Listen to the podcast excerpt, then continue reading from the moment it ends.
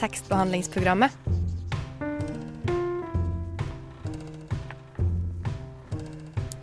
Tekstbehandling på radio.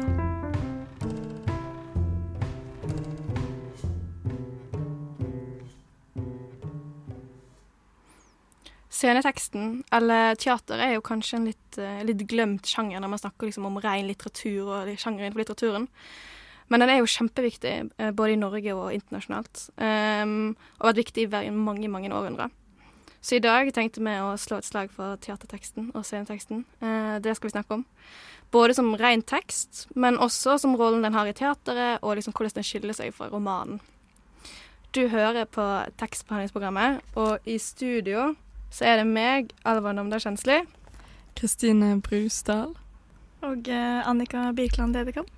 Og du er jo ny, Annika. Woo! Det er veldig, veldig gøy. Eh, tusen takk for at du er med i tekstbehandlingsprogrammet. Det setter vi veldig pris på. Jeg har bare et kjapt spørsmål, så jeg liksom kan plassere deg blant uh, lytterne. Hva er den verste boken uh, du har lest? det er jo et veldig godt spørsmål. Jeg vet at jeg har en bok som jeg har lest, som jeg syns var helt forferdelig. Men den har jeg egentlig fortrengt så mye at jeg ikke husker hva den heter. Men ja. Jeg tenker det er et godt nok svar i seg sjøl. Uh, I senere sending skal vi høre på et intervju av Monica Isakstuen. Hun er jo dramatiker og forfatter. Uh, så jeg tenkte liksom før vi skal gå inn på liksom, det vi skal snakke om senere i dag, så bare etablere litt. Hva, hva forhold har det til, til, scenetekst, til det å lese scenetekst?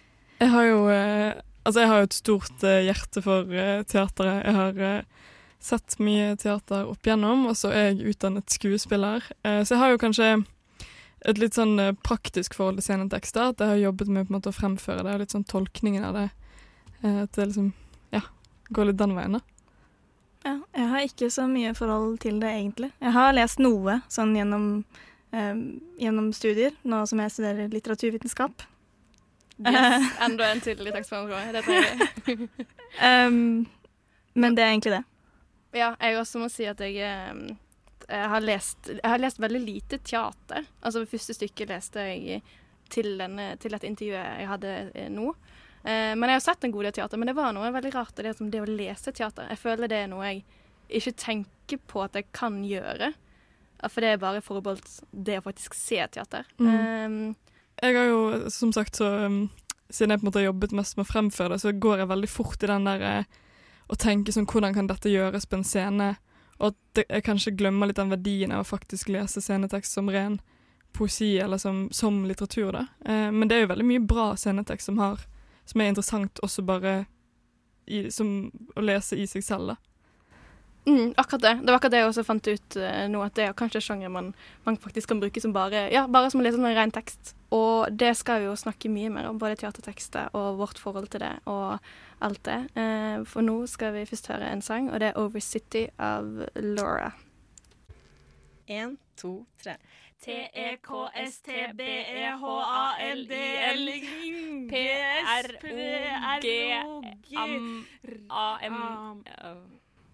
Tekstbehandlingsprogrammet på Radio Nova. Norge har jo, og er jo, eh, store i teateren sin verden. Vi har jo Ibsen, vi har Jon Fosse. Som nok kanskje er av de mest eh, kjente både norske, men også internasjonale dramatikerne vi har. Men vi har også nyere stemmer. Vi har f.eks. Arne Lygre. Ja, Arne Lygre har jo nettopp hatt uh, premiere i, uh, på et av Frankrikes mest kjente teater, som heter Odeon, med dette her Tid for glede, som også ble spilt på Det Norske Teatret. Og det er skikkelig stort. Det er, det er vanvittig kult, altså. Ja, hvordan er det? Fordi Det franske teateret er på en måte en stor bauta innenfor liksom, teateren sin. Ja, altså Det er jo hovedteateret i Paris, uh, og teater er jo veldig stort i Frankrike. Så det er, en, det, altså, det er en stor scene å ha premiere på norsk dramatikk på. altså. Um, det, og, og, masse gode mottakelser, sånt, så det er veldig kult. Det er veldig gøy. Norge er på kartet, endelig. Men vi har jo også vi har jo mange andre nye stemmer også. Vi har jo eh, Kamara Lunestad Jof. Eh, har kommet med bra teater i siste. Vi har Fredrik Brattberg. Og så har vi jo Monica Isakstuen, som vi har hatt et intervju med, så veldig, veldig gøy. Yeah. Um, og så tenker jeg bare sånn, har dere noen, noe forhold til Monica Isakstuen? Som på en måte, Hva er hennes stemme inn i denne sammenhengen her? Jeg, jeg har faktisk eh, aldri hørt om henne, jeg. Før, jeg, før, vi skulle ha dette intervjuet her. Men det er gøy. Ja. Da får vi interessere deg til en ny, en ny stemme. Ja, ja. Og er lyttere også, håper jeg. Jeg har dessverre aldri sett noe teater av eh, Monica Isakstuen, men jeg har nettopp lest eh, 'Dette er ikke oss', som også gikk på DNS i vår, var det vel, og det fikk jeg dessverre ikke sett. Men det var en utrolig kul leseropplevelse. Jeg syns det var veldig, veldig gøy lesning. Klarer du å kort oppsummere stykket 'Dette er ikke oss'? Hva handler det om? Bare sånn liksom, vi har en etablert det før vi liksom går inn på intervjuet, mener jeg. Det handler jo om en familie da, og relasjonene innad i disse familiene. Eller inn, denne familien, det er en familie. Og eh, det handler vel om at de føler seg litt fremmedgjort fra hverandre, og hvilke roller de har som både mor og far og søster og bror.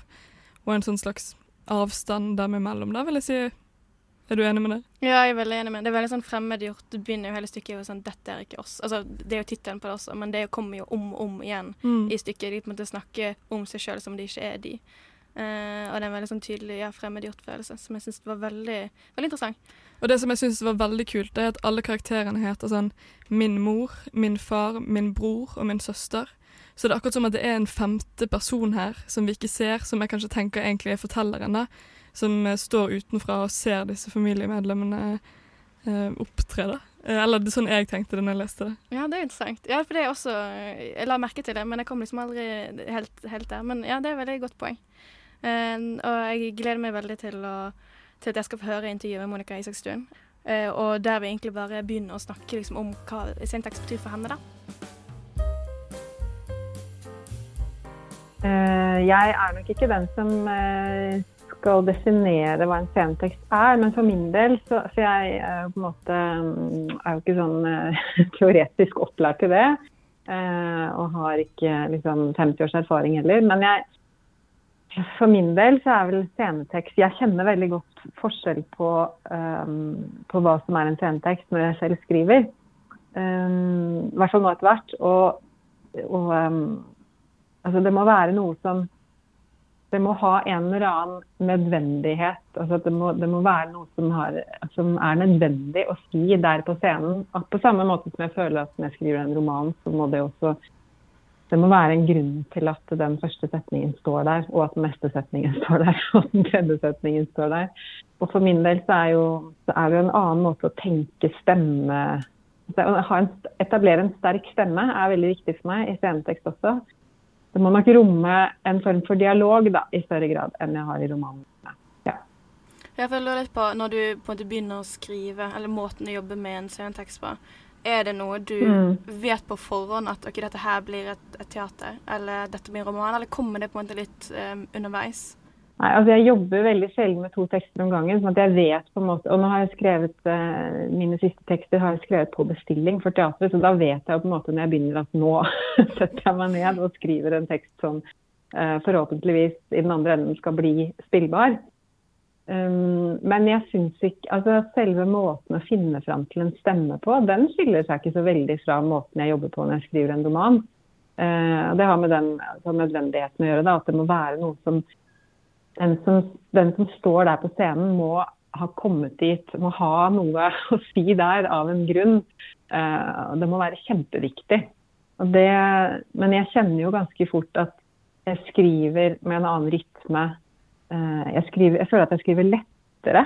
Altså at det er enklere for meg. Det går lettere, det går raskere. I hvert fall hvis jeg kommer i riktig eh, i hvert fall enkelte dager da, når jeg skriver dramatikk, enn når jeg skriver romaner. Og det har nok noe med at det er bare at jeg har blitt veldig glad i å skrive den, eh, de, de, samt, de umulige samtalene da, som jeg eh, er interessert i når jeg skriver dramatikk. Og det som vi ikke kan Mye av det vi ikke kan si til hverandre.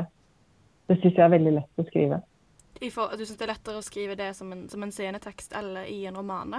Mm, ja, det syns jeg.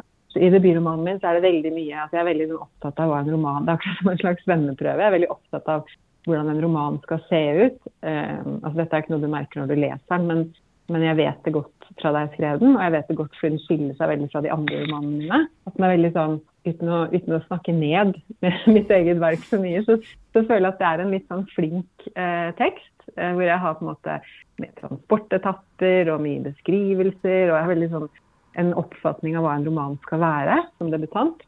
Og så beveger jeg meg litt bort fra det i neste roman. Eh, og så beveger jeg meg enda lenger bort fra det i roman der igjen. Og, og fjerner på en måte mer og mer, flere og flere av de byggesteinene som jeg tenker at jeg hadde i starten, da, og som jeg tenker at veldig mange realistiske romaner har. Så til, til slutt, den seneste romanen jeg skrev nå, 'Mine venner' fra 2021, den er jo til forveksling lik eh, et skuespill. Jeg vet godt at det ikke er et skuespill, for det er mye der som ikke ville fungert på en scene. Det blir for langt eller for ikke sant? Men, men der er jo lånt veldig av dramatikken og tatt bort alt som ikke er eh, indre monolog eller en samtale. Og det er på en måte til slutt det eneste som interesserer meg. da. Jeg skal ikke si at jeg er motvillig til å skrive romaner lenger, for jeg prøver jo, jeg, og jeg holder på nå med én. Men, men, det er nok dramatikken som liksom faller meg lettest. da. Det er den jeg fristes mest av for tiden. Der kan jeg gå rett inn til det som jeg syns er aller mest interessant. Og det er på en måte ja, det mikrososiale, det vi sier til hverandre, og ikke alt det som skjer rundt. da. Ja, for du har jo sagt tidligere at, at, at det gjør det friere, det å skrive dramatikk. Og at tekst går ned til beinet, som jeg syns er en veldig fin, fin formulering. Eh, og du er jo inne på det nå, men, men, kan du utdype det litt, det med tekst etter beinet? Er det bare dialogen du tenker på da? Er det Nei, det er det, det er det, jeg sier når jeg snakker om transportetapper og måte, alle de byggesteinene som utgjør en Altså hvis man ser på en, en, en eh, Ja, hva skal man si da? Jeg leser jo mange, mange, romaner med mange byggesteiner som jeg liker veldig godt, men jeg klarer bare ikke å skrive det selv lenger. Jeg tenker på romaner hvor man setter et sted, hvor man beskriver et rom, hvor man kanskje zoomer inn over en hel dal, og så går man inn i et hus. og så, altså Nå tenkte jeg bare på en veldig fin roman jeg har lest, av Tiril Brokke Aakre, men som er veldig sånn hvor man, eh, Redd Barna, hvor man, hvor man har veldig sånn eh, filmatisk. Man vet hvor man er. Man ser kanskje for seg hvordan folk ser ut. Man beskriver rommet de er i, hvordan, hvordan ting lukter, hvordan det smaker. Men det, driver jeg og frir meg fra, da, på en måte. Hvis i den grad jeg, den grad jeg vil ha det med, så må det være de som så må det sies. Det at det er skåret ned til beinet, det er virkelig det er liksom ikke bare noe jeg sier, det er, bare, det er sånn det virkelig kjennes når jeg skriver. At jeg kvitter meg med alt annet enn det som interesserer meg. Uh, og så kan jeg konsentrere meg om det, da. Og virkelig grave. Uh, grave, grave, grave i det. I, i det, i det mikrososiale. er det på en måte en prosess, det liksom å skjære ned teksten? Er det noe du gjør alene, eller er det eh, noe du gjør liksom, dialog med andre som jobber med f.eks. Eh, på rundt teateret? da? To på en måte måter å det ene, det ene kan jeg si litt om. Det er jo hvordan jeg altså, jeg kan, jeg kan, jo skrive masse prat som ikke inneholder uh, beskrivelser og sant, sceneanvisninger og, og sånn, men, men, det er viktig for meg å komme til et eller annet sånt eh, jeg merker vel, altså jeg, jeg, skriver masse masse, masse som aldri blir noe av, og som jeg tar bort. Og så plutselig så får jeg en eller annen sånn følelse av at de som snakker, sier noe, eh, noe sant til hverandre. Og Noe som høres litt sånn Jeg er nok litt opptatt av at, at mye av det som sies, skal være Eh, for å si det veldig enkelt, liksom tvetydig på en eller annen måte. At, at det de sier er lada. Eh, ikke alltid, men, men gjerne lada også, gjerne lada på en litt sånn underlig måte. Eh, og, og, når jeg har kommet meg på det nivået, da, så konsentrerer jeg meg veldig hardt for å holde dialogen, holde monologen, holde liksom det jeg skriver videre på det nivået. Og så kan jeg gå inn eh, Først kanskje bli lest av en dramaturg som jeg stoler veldig på. Eh, og der har jeg en som jeg jobber ja, relativt fast med, vil jeg si. Uavhengig av hvilket teater jeg skriver for. Og hun heter Mari Moen, er på Dramatikkens hus. Jeg jobber, bruker jo dem veldig mye. Og da bruker jeg gjerne å komme med ja, noen sider. Det kan være mellom 100-150 sider eller 50 sider uh, til noen skuespillere. Etter hvert en liten, ganske fast trykk som jeg har blitt veldig glad i å jobbe med. Altså ikke et fast ensemble, men en, en liten gjeng av noen, noen navn da, som jeg liker å jobbe med. Og så, og så sjekke om den teksten, hvordan den høres ut. Uh, og da kan vi jobbe, da kan vi lese den, vi kan snakke om den. Vi kan gjerne improvisere litt videre eller se om det er noe det er mulig å liksom, ja, jobbe, jobbe, ut videre. Uh, og som regel så går jeg da hjem. Altså jeg bruker dem litt som blyanter. da. De skriver måte, teksten litt videre for meg når jeg har jobba med den inni hodet mitt. Krever at det jeg kommer med holder et visst nivå. da. Uh, jeg kan godt komme med et råstoff som bare er noe transkriberte greier, eller noe som jeg har Jeg har jobbet litt forskjellig. Jeg har jobbet ut fra dokumentarisk materiale òg. Og da har formålet vært å fjerne, fjerne de stemmene som jeg har intervjuet, eh, vekk fra mitt hode ved hjelp av skuespillerne. Og løse det opp, da. 'Vi er krigere' er gjort på den måten. Radio nå. Tripp, trapp, tripp, trapp. Hvem er det som tramper på min bru? Det er bare tekstbehandlingsprogrammet. Når du skriver en scenetekst, så må du kanskje du må jo gi slipp på den. Det er akkurat det du Syns du det er skummelt? Eller syns du det Det blir på en måte en veldig naturlig del, som du sier. Men det er jo noe du på en måte Den stemmen du snakker om, er du redd for at du på en måte skal miste den når du, når du tar med andre inn i prosjektet? Nei, altså når teksten er, når teksten er ferdig, da, eh, når jeg har levert den fra meg, og den i, eh, ligger der og hviler og skal gå i prøver og sånn, så har jeg vært veldig heldig til nå med at jeg har snakket med og samarbeidet med regissører som har vært interessert i å høre hvordan jeg har tenkt, eh, snakke med meg om detaljer i teksten, eh, legge fram noen teorier kanskje. Gjerne før de går i prøve med skuespillerne. Og det er, det, er ikke, det er, ikke, så mye alltid for å få svar ut av meg, fordi svar har jeg veldig sjelden. da, Men jeg, kan, jeg sier gjerne litt om hvordan jeg har tenkt, og, og ja, hvor teksten på en måte kommer fra. Hvordan jeg har jobbet underveis. Uh, men jeg og, det, og Da jeg begynte som dramatiker, så trodde jeg at jeg skulle være sånn jeg vet ikke. Jeg tror jeg hadde lest Jon Fosse. Jeg det høres litt sånn kult ut å være litt sånn mystisk og bare trekke seg tilbake. og Skal ikke ha noe med det der å gjøre. og Nei, nå er teksten ferdig med for dere bare. Jeg bryr meg ikke om hvordan dette blir, på en måte. Men det er jo ikke sånn det fungerer. Eh, jeg merker veldig godt at jeg liker, å, jeg liker at regissøren er interessert i å høre hva jeg har tenkt. Og det siste stykket jeg jobbet med, altså eller den siste forestillingen jeg jobbet med da, eh, i Bergen, 'Dette er ikke oss', der tror jeg kanskje at regissør Annika Silkeberg og jeg jeg tror vi snakket sammen 50 timer på telefonen. eller. Og det var så interessant, fordi jeg måtte svare for så mye og, ja, uten å komme med svar, men at vi snakket oss gjennom så mye. da. Og jeg tror at resultatet blir Jeg tror det blir bedre av det. Det er viktig at, at det er en begeistring hos den som skal gjøre det. Opplever at vi måte er i samme verden når det gjelder teksten. Og så kan den godt strekkes og dras og få det underligste universet rundt seg, men men at, liksom, at, det er en eller annen sånn derre At man er på nett, rett og slett, da, når det gjelder å tenke hva den teksten rommer, eh, eller er.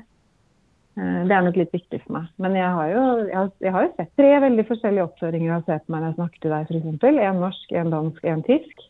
Og jeg syns alle var kjempegode. Og på hver sin måte. Og hver gang så har jeg vel tenkt dette var den beste, liksom. uh, uten at det er så viktig at, å sammenligne dem. De er kjempegode. Men så kan jeg også gå tilbake til min grunntekst og tenke at den er fortsatt noe eget for meg, da. Når jeg leser den, så ser jeg ikke de forestillingene i hodet. Nei, for det lurer litt på, når du på en måte skriver, eh, ser du for deg handlingen på, på en scene? Eller, liksom, eller, skriver du uten tanke på de som begrensninger et, et teateroppsett har det? Eh, jeg skulle gjerne sagt at jeg fortsatt skrev uten å tenke på noen ting. Eh, for det kunne, og det gjorde jeg nok de første altså Da jeg skrev 'Se på meg jeg snakker til deg', og da jeg skrev 'Vi er krigere', og til dels da jeg skrev uh, tredje stykket mitt, som var sånn ungdoms, altså en bestilling for dus, den unge scenen, så hadde jeg ennå ikke sett noen oppføring av mitt eget stykke. Og da var jeg ganske fri. Um, litt sånn skremmende fri, på en måte. Um, at jeg ikke så for meg noe. Um, at jeg nesten føler at de skal være en slags sånn strømpe som kan tres ned over uh, hva som helst. Da, uh, og hvem som helst. At de skal kunne tåle at vi, skal, ikke tåler, vi, tåler jo ikke hva som helst, for det er jo på en måte litt skjøre tekster òg. Men at det, det, er veldig mye som er opp til regissøren og skuespillerne. Og jeg tenker at det ligger en stor frihet i dem for, for dem, men at mange kan nok også tenke at det er for åpent eller skummelt eller jeg vet ikke. Men nå etter hvert så er jeg vel f.eks. av og til bevisst på hvor mange stemmer sånn cirka jeg ønsker å ha. Og i 'Dette er ikke oss' så jobbet jeg veldig hardt for å på en måte, holde på at en del overganger kanskje kommer til å bli umulig eh, for regissøren. Eller altså, de, de henger, det henger liksom Det er en slags sånn drømmeaktig Det er ikke så lett å si hvor de er, det er ikke så lett å si hva de gjør, det er ikke så lett å si hva som skjer alltid. Og det er mange valg som må tas da, eh, av den som skal gjøre det. Eh, og det håper jeg at jeg fortsetter å klare å, å, gjøre. At jeg fortsetter å klare å skrive på den måten uten å se for meg scenerommet. Jeg setter veldig pris på litterær dramatikk som er god å lese, og som jeg tenker at åssen uh, i alle dager skal dette se ut. det liker jeg. Jeg er iallfall litt inne på det, fordi nå har jeg jo dessverre ikke sett stykket, så dette er ikke oss, men jeg har lest det. Og jeg syns det var veldig, Mm. veldig vakkert å lese. Det ble på en måte som eh, små dikt som snakket til hverandre gjennom hele eh, teaterstykket. Da. Og jeg syns det var veldig, veldig Mm. bra. Men eh, hvordan er det på en måte det å lese en teatertekst i forhold til det å se det? Det har du noen tanker om det? Jeg leste f.eks. Arne Ligres 'Tid for glede' før jeg så den på scenen. Og jeg kunne ikke for alt i verden forestille meg Altså den For meg er den teksten fortsatt Den den lever fortsatt i meg som tekst, eh, selv om jeg har sett forestillingen, som jo på en måte er strukket og dratt og, og gjort veldig sånn Altså dratt i retninger som jeg ikke som jeg ikke klarte å se for meg når jeg leste. Men jeg, jeg ser nok ikke for meg så mye når jeg leser heller. Det er, det er mer en følelse av stemning, tone. altså Jeg legger jo en tolkning inn i det. Men f.eks. nå Jeg var nettopp og så Jon Gabriel Borkmann på Nationaltheatret. Det stykket hadde ikke jeg, det kjente ikke jeg til. Eh, Så da leste jeg det stykket før jeg skulle dra dit. Og det var jo også fordi jeg hadde lest at det var stumfilm, eller ja, stumfilmteater. Sånn at jeg forsto at det kom til å være veldig begrensa med tekst da, på scenen. Så det er mye, mye som, som skal sies av sannheter og avsløres og sånn underveis. Og på scenen så er det altså så lite tekst. Jeg vet ikke hvor mange plansjer de har som projiseres, men det kan jo umulig være mer enn 50 eller noe sånt. Men det som skjer på scenen er allikevel så Altså Der kan man snakke om å ha skåret ned til beinet da, på en veldig sånn konkret måte. Fordi jeg hadde ikke trengt å lese den teksten på forhånd, for jeg hadde fått fram kjernen på en sånn vanvittig sterk eh, og modig måte. Og som jeg tenkte at fy fader, altså hvis noen tør å røske, hvis noen tar tak i en av mine tekster noen gang og, og, og kødder det til på den måten her, så innmari, så, så hadde jeg, vært, jeg blitt så lykkelig. Fordi det, er, eh, det står seg så godt, da. Det er umulig å si hva Ibsen ville sagt, men jeg hadde i hvert fall vært lykkelig hvis det var meg. For det var, eh, det var veld, veldig veldig lite tekst av stykket, men allikevel så var hele stykket der, som han har skrevet. da. Altså tekst enda mer skåret ned til beinet, da. Som er målet ditt. Ja, men det blir jo veldig konkret. da, ikke sant? Og jeg, ja, jeg sier nå veldig tøft at eh, hvis noen røsker så mye i tekstene mine, så blir jeg lykkelig. Men, men eh, jeg, jeg har jo også opplevd Jeg husker at altså, da Trine Wiggen skulle gjøre 'Vi er krigere', så foreslo hun kom jo med flere sånne strykningsforslag. Annet skulle hun stryke første scene, som var en monolog som var veldig glad i. og sånn. Og da husker jeg at jeg var litt sånn Nå må du roe deg ned litt. Nå må du, passe deg litt her. Det, du kan ikke gjøre hva som helst. Men, uh, skal, men den kom faktisk, den falt på plass igjen, da. Så da tenkte jeg sånn Hva var det jeg sa? jeg hadde rett. Teksten er, den er der av en grunn. Men, men jeg, er, jeg er nok veldig åpen for at det skjer endringer. Hvis jeg opplever dem som gode, og opplever at de skjer av en grunn. Så jeg lurer på om du har lyst til å Mm. lese litt opp fra det, fra det stykket? Jeg kan lese den åpningsmonologen til mor, da. Eh, Min mor er det. Dette er ikke meg. Jeg sitter ikke her nå. Dette er ikke mitt hus, ikke mitt kjøkken, ikke min stol. Det her, det er ikke min kropp på denne stolen. Det er ikke solen der ute. Nei, det er ikke min sol. Det her er ikke min dag. Det er ikke jeg som sitter her. Det er ikke jeg som tenker, ikke jeg som snakker, ikke jeg som åpner munnen og lar all mulig drit bare renne ut. Dette er ikke meg. Dette skjer ikke. Det er ingen andre her som puster og lever. Det finnes ikke mennesker i etasjen over meg. Ingen kropper på rommene. Ingen i sengene.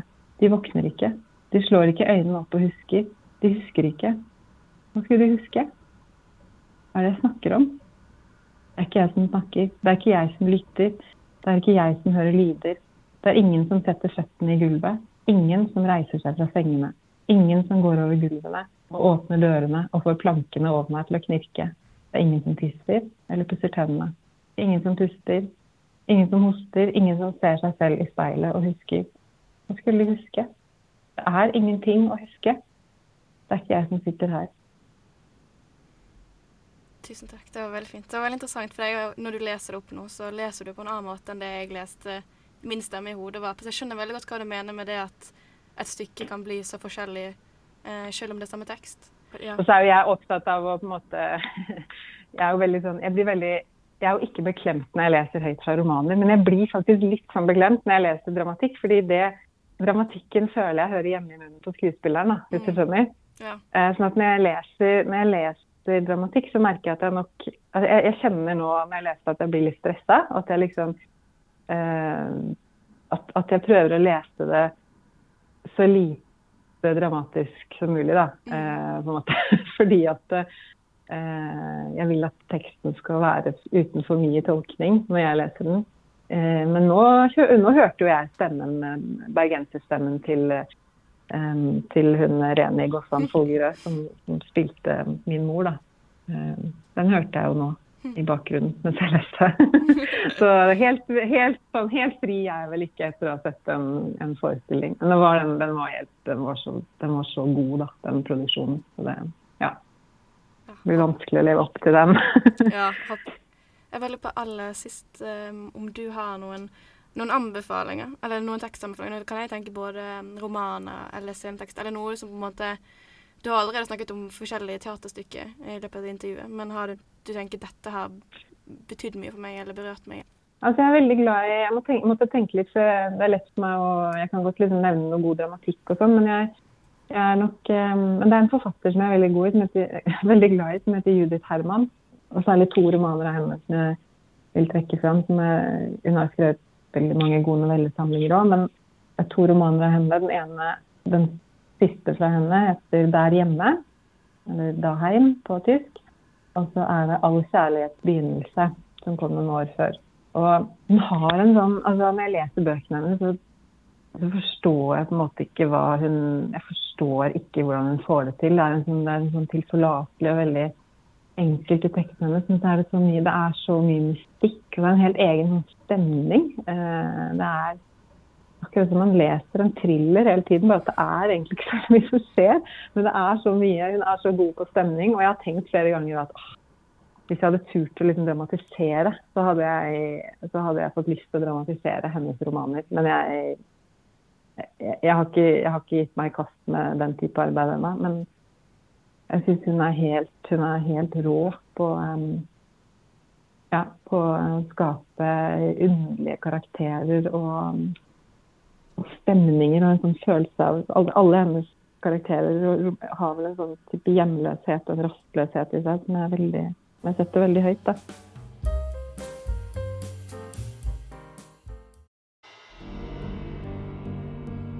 Mamma, pappa, jeg må fortelle dere noe. Jeg hører på tekstbehandlingsprogrammet. Radio Nova. Du hørte jo nettopp på et intervju med Monica Ekstuen og meg, Alva Namda Kjensli, og vi er fortsatt tekstbehandlingsprogrammet. eh, Og det er fortsatt Alva i studio, og Kristine. Og Annika. Og eh, Monica snakket jo litt om hennes forhold til liksom scenetekst, eller hva hun mente en scenetekst var. Men, men hva tenker det? Hva er en scenetekst for dere? Nei, jeg tenker jo at, eh, at eh, scenetekst er jo en, en form for tekst som formidler noe på en annen måte enn det en, en roman gjør. Um, den skal jo formidles først og fremst via teater, for å framstilles, eller på, på den måten, da. Så uh, du vil jo lese det på en annen måte også, tenker jeg, da. Hvordan leser du på en annen måte? Altså, det som er problemet, er at uh, de gangene jeg har lest uh, scenetekst, så har jeg ikke skjønt at det er scenetekst. Så jeg har liksom lest det som en roman, og da blir det jo veldig annerledes, eh, på en måte. Fordi du får jo ikke disse eh, stedsbeskrivelsene på samme måte som du gjør i en roman, da. Så Kult. ja. Men hva var det du leste? Eller var det Jeg har lest eh, den derre 'Vente på Mens vi venter på hva Ja. Og det skjønte jeg ikke at var en, eh, en scenetekst før sånn lenge etterpå. Likte du det? Jeg syns det var kjempegøy. Kult. Veldig sånn humorgreie. Mm. Det er helt sant, men tror du du leste det? Er veldig mange spørsmål men tror du du hadde lest det på en annen måte hvis du visste det var en scenetekst? Ja, Ja, det tror jeg. Ja, For da hadde jeg sett for meg at de satt på scenen, tror jeg. Um, med liksom en sånn ikke-tre, altså liksom-tre, da. Ja. Og ikke et ordentlig tre på en vei. Jeg vet ikke om dere har lest den, jeg. Jeg har Egentlig. bare sett og lest. Ja. Ja. Hvordan var det å se det? Uh, jeg så det på tysk på Berlinerensemblet i, i Berlin, og da visste jeg ikke jeg tror jeg var sånn eh, 14-15 år, hadde nettopp fått veldig sånn teaterglød og teaterinteresse. Skulle meg og pappa til Berlin, så var jeg sånn ja, vi må se noe teater på Berliner Ensemble. Så hadde jeg aldri hørt om stykket før, og du som har lest det, vet jo at det er et ganske sånn absurd stykke. Eh, lite handling og mye Altså det, det er veldig sånn Det skjer egentlig ingenting. Eh, så det var et veldig sånn eh, Et gøy stykke å se på et språk, da. Eh, hvor de bare sitter samme sted og eh, ja, det ikke skjer så mye. Men det var jo det var fantastisk. Sånn. Du fikk jo likevel en sånn Det var fantastisk skuespillere og en fantastisk energi i rommet. Men det var på tysk? Ja da, det, var, det ble spilt på tysk i Berlin. Spennende. Ja. Å se et absurd teater på tysk i Berlin det er, Ja, det, det var nerd. bad, ja. Ja. Men hva tenker du er scenetekster, Kristine? Ja, altså det som, som jeg syns er veldig gøy med scenetekst, som du er litt inne på, er jo det der med at i motsetning til romanen som på en måte er ferdig, altså når den er utgitt, så er det, det et fullstendig verk. Så er scenetekst noe som på en måte alltid er i bevegelse, fordi det skal fremføres, og det skal tolkes kanskje flere ganger, eller forhåpentligvis flere ganger av forskjellige regissører og sånt der, så de, de gir det en sånn form for levende form. Um, fordi det skal fortolkes, og det skal iscenesettes med lys og kostymer, og, uh, som er veldig spennende. Det er interessant det du sier med at du hadde, du hadde lest det annerledes hvis du visste at det skulle være på scenen. For det betyr jo at man bruker på en måte forestillingsevnen på en annen måte. Eller man setter handlingen inn i noen sånne sceniske begrensninger, da, inn i en kontekst når man leser scenetekst. Ja. Og det er jo kult. Ja, for det merket jeg også litt når jeg begynte å lese 'Dette er ikke oss'. I begynnelsen var jeg veldig sånn klar på at de sitter på en scene, og jeg så for meg liksom to personer liksom ha en dialog på en scene som var veldig opplyst. Men så til slutt så kom jeg inn i det, og så bare forsvant hele den, så ble jeg med i på en måte hele eh, Isakstuen sin plassering av stykket som er litt vagt, da. Ehm, så, så ja. Jeg er enig, men også uenig Jeg skjønner. i det man liksom ser for seg scenen. Men nå har jeg jo lest ett stykke, så jeg føler jeg ikke har sånn Ja. Men jeg har jo også opplevd å se eh, tekst på scenen, og så mens jeg sitter i publikum, begynne å forestille meg det de sier, som om jeg leser en roman, hvis dere skjønner hva jeg mener. At man, man ser teksten Altså Når jeg sitter i publikum og ser skuespillerne på scenen fremfor teksten, så kan jeg fortsatt, hvis de snakker for om at de har vært og badet på scenen, der, så kan jeg fortsatt se for meg at de er og bader et helt annet sted. Sånn at forestillingsevnen er fortsatt i bruk når man sitter i publikum. Eh, Jo, jeg skjønner godt hva du mener. Jeg At liksom, jo, for jo. eksempel Monica Isakstuen sin tekst, da, hvis jeg hadde sett den på scenen, så hadde jeg kanskje begynt altså På samme måte som jeg forestiller meg et sted når jeg leser en roman, så kunne jeg begynt å forestille meg det på grunnlag av det de sa på scenen. Så det er en sånn kombinasjon av det man ser på scenen, men òg at man fortsatt har fantasien i bruk som publikummer. Men jeg lurer litt på det, altså har, Gjelder det også hvis måte stykket er veldig visuelt, altså hvis det er mye ting som skjer bak stykket, eller gjelder det mest hvis det på en måte er bare to personer og ingenting annet som skjer? Jeg tror det kommer an på teksten og Fordi jeg, jeg, jeg, jeg, har det jo ikke sånn jeg ser film. Da ser jeg bare for meg det som er på skjermen, på en måte. Så jeg tror det er mer det hvis teksten er veldig bærende i stykket, eller veldig sentral, så på en måte kanskje oppfordrer det mer til at man ser for seg ting i sitt eget hode. Ja, for jeg kan være med på det med monologer. Da kan jeg få den, den der. Men Ja. ikke liksom Jeg var veldig usikker. Altså vanskelig å, Ja. å Jeg bare hadde den opplevelsen jeg leste dette er ikke oss, at jeg først så for meg, sånn som du sa, at de sitter på scenen og snakker. Men når de begynte å snakke om dette her med at de var og badet og syklet, så så jeg også for meg at de syklet og badet. Mm. Ja, men det var akkurat det, Ja. det er jeg jo med på. Det var akkurat det jeg prøvde å forklare. Ja, ikke sant. liksom. Hvis du går hjem med noen og de ikke har bøker, ikke knull dem. Hilsen tekstbehandlingsprogrammet.